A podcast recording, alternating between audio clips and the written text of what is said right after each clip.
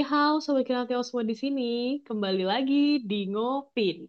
Ngobrol pintar ala kenal Tiongkok yang pastinya akan selalu memberikan pengetahuan-pengetahuan baru spesial buat semua Sobat Kenal Tiongkok di sini.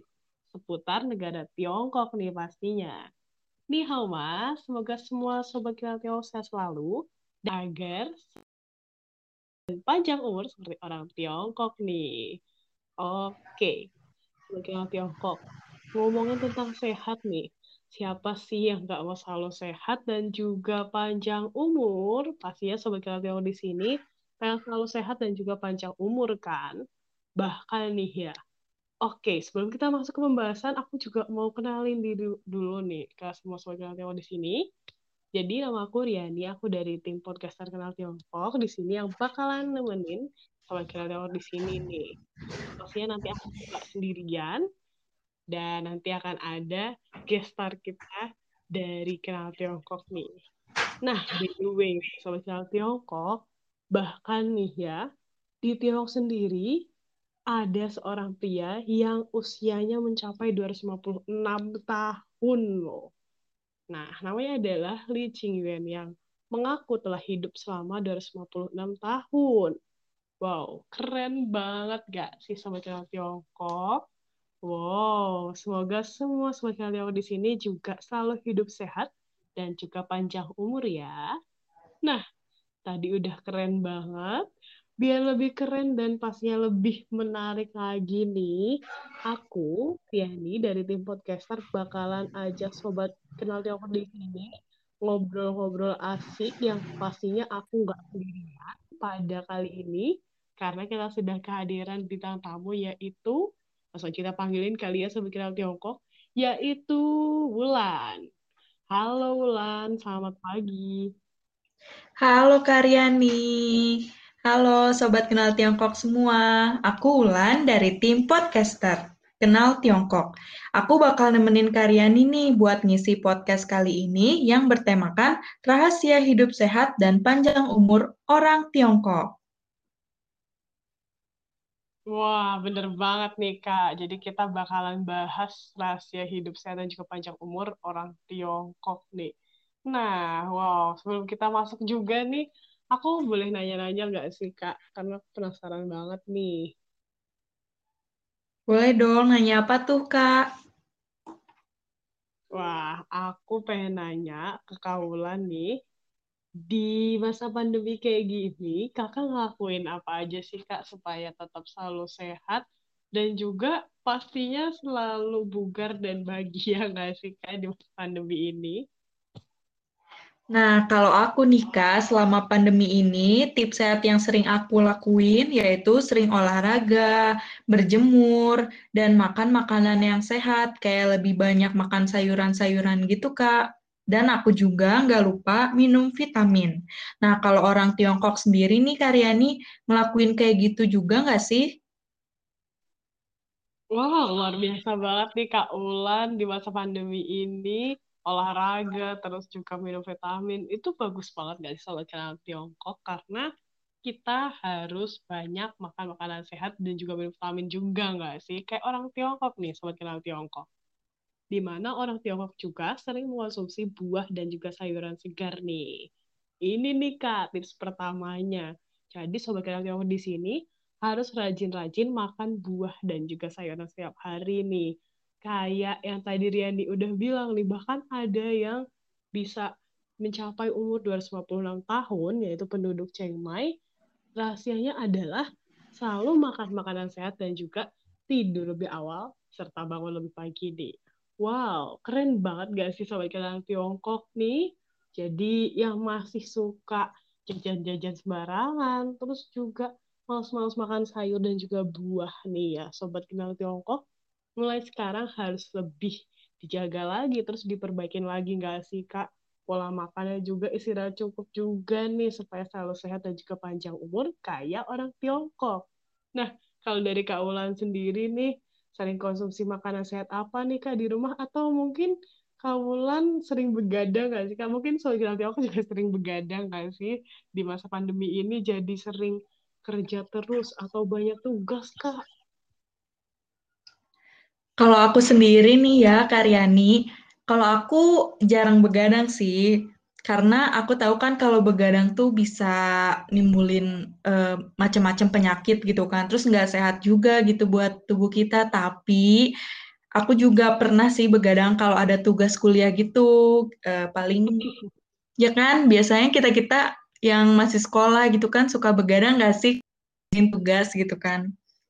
Nah, kalau ya kan, benar kan? Nah, kalau aku sendiri untuk makanan sehari-hari yang sering aku konsumsi, makanan sehatnya yaitu aku sering makan capcay, sapo tahu, kimchi, sayur sop, cakangkung. Karena aku nggak terlalu suka daging, jadi aku seringnya makan sayur-sayuran gitu. Nah, selain makanan-makanan yang sehat, ada lagi nggak sih Karyani yang dilakukan oleh orang Tiongkok agar panjang umur dan juga sehat? Wah, menarik banget nih, Kak. Jadi Kaulan suka banget juga nih Sobat Kenal Tiongkok makan makanan sehat kayak tadi sayur-sayuran. Dan aku juga orang yang vegetarian Sobat Kenal Tiongkok, jadi aku cuma makan sayuran doang nih.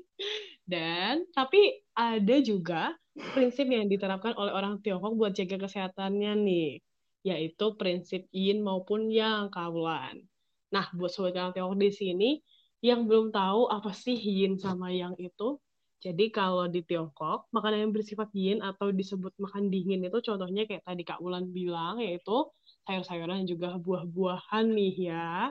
Dan juga kalau yang yang atau juga disebut makanan yang panas itu kayak ikan dan juga daging nih. Tapi bukan berarti sobat kenal Tiongkok yang pengen sehat itu mengkonsumsi sayuran aja nih atau ikut-ikutan vegetarian padahal nggak terlalu suka gitu sobat kenal tetap bisa mengonsumsi ikan dan juga daging dengan menerapkan prinsip yin dan yang ini nih kak jadi bisa lebih seimbang nih porsi makanannya dan juga di Tiongkok sendiri mereka ternyata nggak sering mengkonsumsi makanan daging yang digoreng nih. Kalau kita kan suka banget makan apa ya Kak Ewan ya? Ada ayam goreng, ada ayam kremes, di kita serba banget. digoreng gitu kan iya bener ya apalagi anak-anak muda suka banget yang goreng-gorengan nih kalau di Tiongkok sendiri banyakkan mereka mengolah makanan itu dengan direbus, dikukus ataupun juga dipanggang nih. Karena itu aku dengar-dengar sih Kak Wulan ya, itu bisa mengurangi lemak yang ada di dalam masakan atau makanan yang kita konsumsi nih. Dan juga Kak, makan dalam porsi kecil itu juga dilakukan oleh orang Tiongkok nih karena bisa bikin tubuh kita jadi lebih sehat.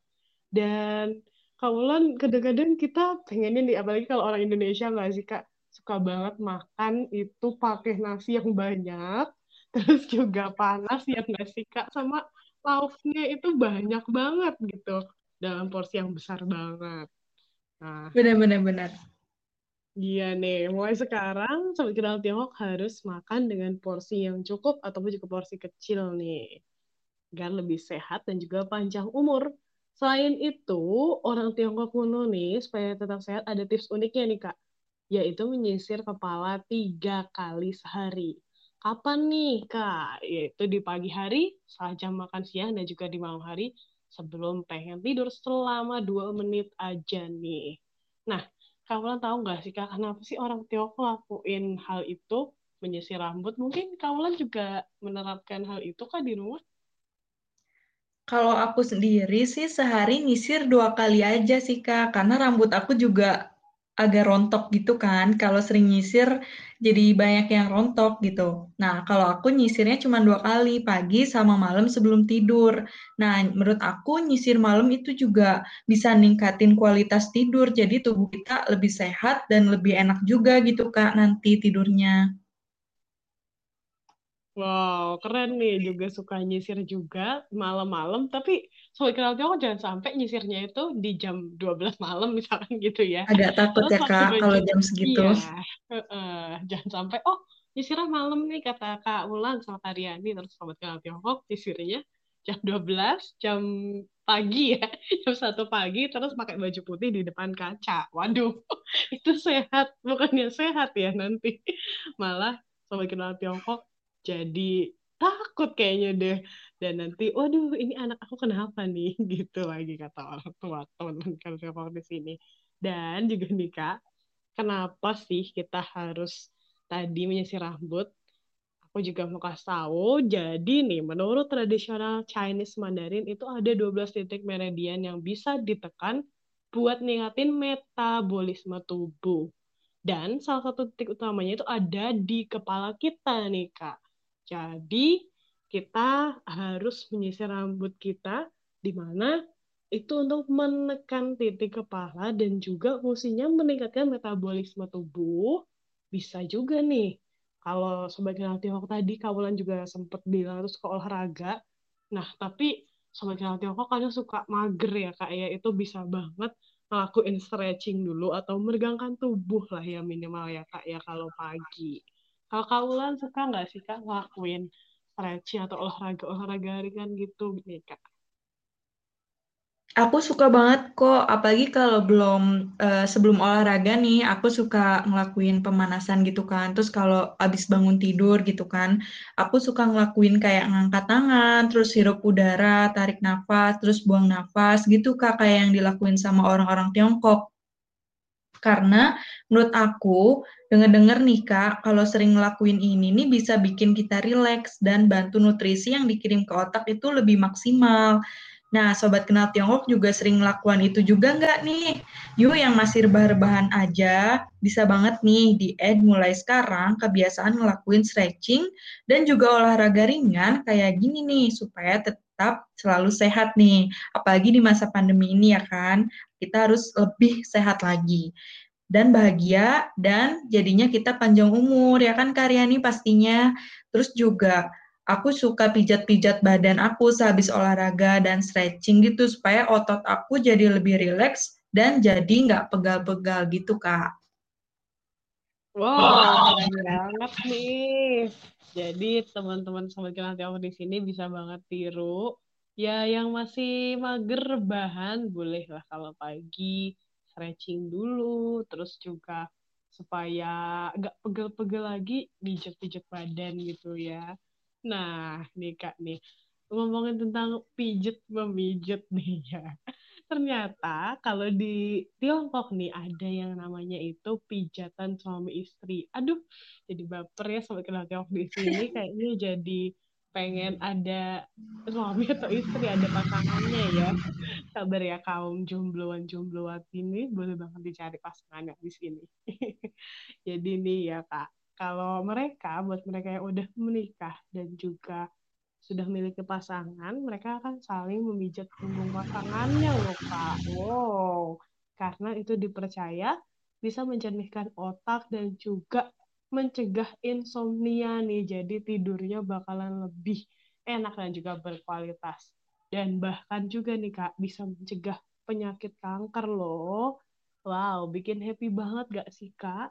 Jadi nggak cuma kita doang nih yang happy, tapi pasangan kita juga semakin happy, semakin romantis, dan juga gak gampang stres pastinya nih. Wah, dan yang terakhir nih Kak, aku juga mau kasih tips rahasia sehat dan juga panjang umur kalau orang Tiongkok yaitu selalu hidup sederhana. Sederhana aja nih, yang penting bahagia ya kalau kata orang-orang. Dan juga menghindari sifat emosional nih.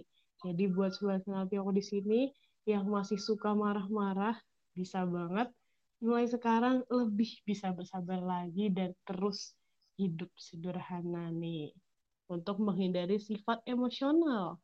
Karena nih ya Kak, kalau kita sering marah-marah dengar-dengar bisa bikin kita hormonal adrenalin dalam dari kita itu jadi meningkat loh Pak. Jadi tetap jaga kestabilan emosi ya dan jangan lupa juga nih banyakin minum air putih buat menghilangkan racun-racun yang ada di dalam tubuh kita. Oke deh. Itu dia Sobat Kenal Tiongkok. Rahasia hidup sehat dan juga panjang umur ala orang Tiongkok yang mulai sekarang bisa banget nih diterapin dan juga diikutin supaya kita bisa selalu hidup sehat, panjang umur dan juga bahagia. Karena kata orang bahagia dan sehat itu mahal harganya nih. Betul banget kak, betul. Nah, betul banget gak sih? Karena kalau kita banyak uang tapi kita enggak sehat, wah maksudnya itu juga bikin kita jadi terkendala juga. Begitupun juga sebaliknya nggak sih, Kak? Betul, betul, betul. Kalau kita banyak uang tapi sering sakit, itu kan jadi uangnya buat eh, biaya kita sakit gitu kan. Mending biayanya buat kita jalan-jalan gitu kan.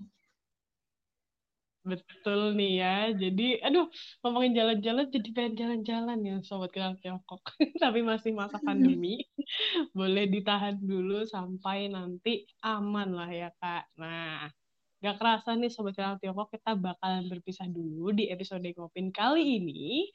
Nah, dan sampai jumpa di episode-episode Ngopin selanjutnya ya.